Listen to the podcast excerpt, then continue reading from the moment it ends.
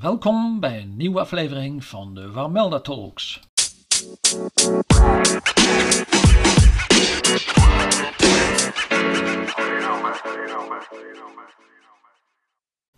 In de 17e eeuw stond aan de rand van de Herenweg in Warmond een mysterieus huis, het Sint-Antonishuisje. Nog niet zo lang geleden was er over dit huis bijna niks bekend.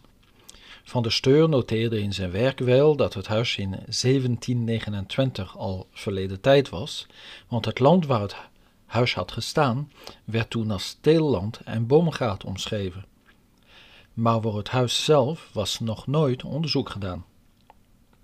André van Noord heeft daar verandering in gebracht. In deze aflevering vertelt hij over het Sint-Antonishuisje en over zijn wel heel bijzondere functie.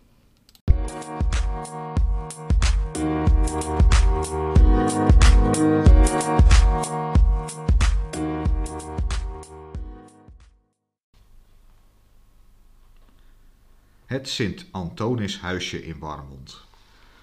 Wie de prekadastrale kaart van Warmond van Johan Douw uit 1669 bestudeert, ziet dat op de plek waar zich nu de zogenaamde platte bunker bevindt een huisje stond. Dit werd het Sint-Antonishuisje genoemd. Het bevond zich in de splitsing van de Leidweg en de Herenweg. Wat was dit voor een huisje en waarom werd het Sint-Antonishuisje genoemd? De naam is afgeleid van de heilige Antonius Abt. Hij was in het jaar 251 te Coma bij Herakleia in Egypte geboren. Vanaf zijn twintigste jaar leidde hij een kluizenaarsleven en hij werd daarom ook wel Antonius de Kluizenaar genoemd. Hij is niet de heilige die aangeroepen wordt om verloren voorwerpen terug te vinden. Dat is Antonius van Padua. Antonius de Kluizenaar was de beschermheilige tegen besmettelijke ziekten van mensen en vee. Samen met Adriaan, Christoffel, Rogus en Sebastiaan behoorde hij tot de zogenaamde pestheiligen. Dat ziekten geen vat op hem konden krijgen, blijkt uit het feit dat hij op hoge leeftijd overleden is. Antonius stierf in het jaar 356 op 105-jarige leeftijd. Hij wordt dikwijls weergegeven met aan zijn voeten een varken, een aanduiding van de bescherming die hij bood tegen veeziekte, zoals het gevreesde Sint-Antoniusvuur. Hiermee komen we op de betekenis van het Sint-Antoniushuisje in Warmond.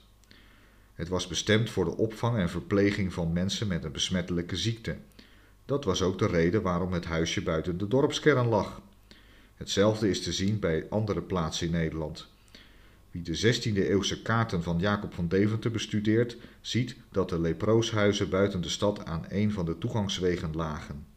In de meeste gevallen lagen ze aan de drukste toegangsweg. En dat zien we ook in Warmond. Zo'n besmettelijke ziekte was lepra. Deze ziekte wordt veroorzaakt door de lepra-bacterie. Deze bacterie tast de zenuwen aan. Hierdoor kunnen handen en voeten gevoelloos raken. Een belangrijk kenmerk van deze ziekte is verminkingen. Ledematen kunnen namelijk verdwijnen. De ziekte komt tegenwoordig nog veel voor in arme landen.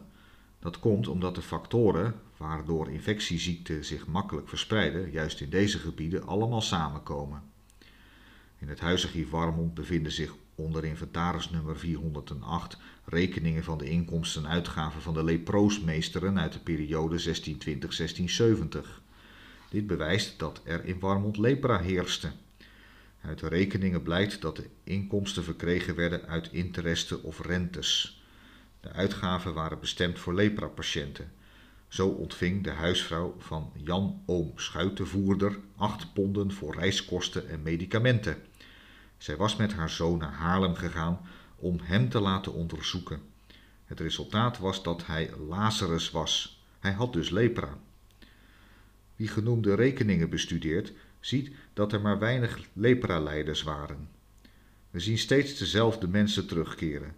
Zo worden in de jaren 1620 tot en met 1670 iedere keer de kinderen van meester Pieter van Leeuwen, schoolmeester te Warmond, en Marit Maartensdochter genoemd. Eerst kreeg hun zoon in de jaren 1620 tot en met 1638 geld voor voeding en het leren van het kleermakersvak, en daarna worden hun twee dochters steeds vermeld. Het bestaan van het Sint-Antonishuisje in Warmond moet al heel oud zijn.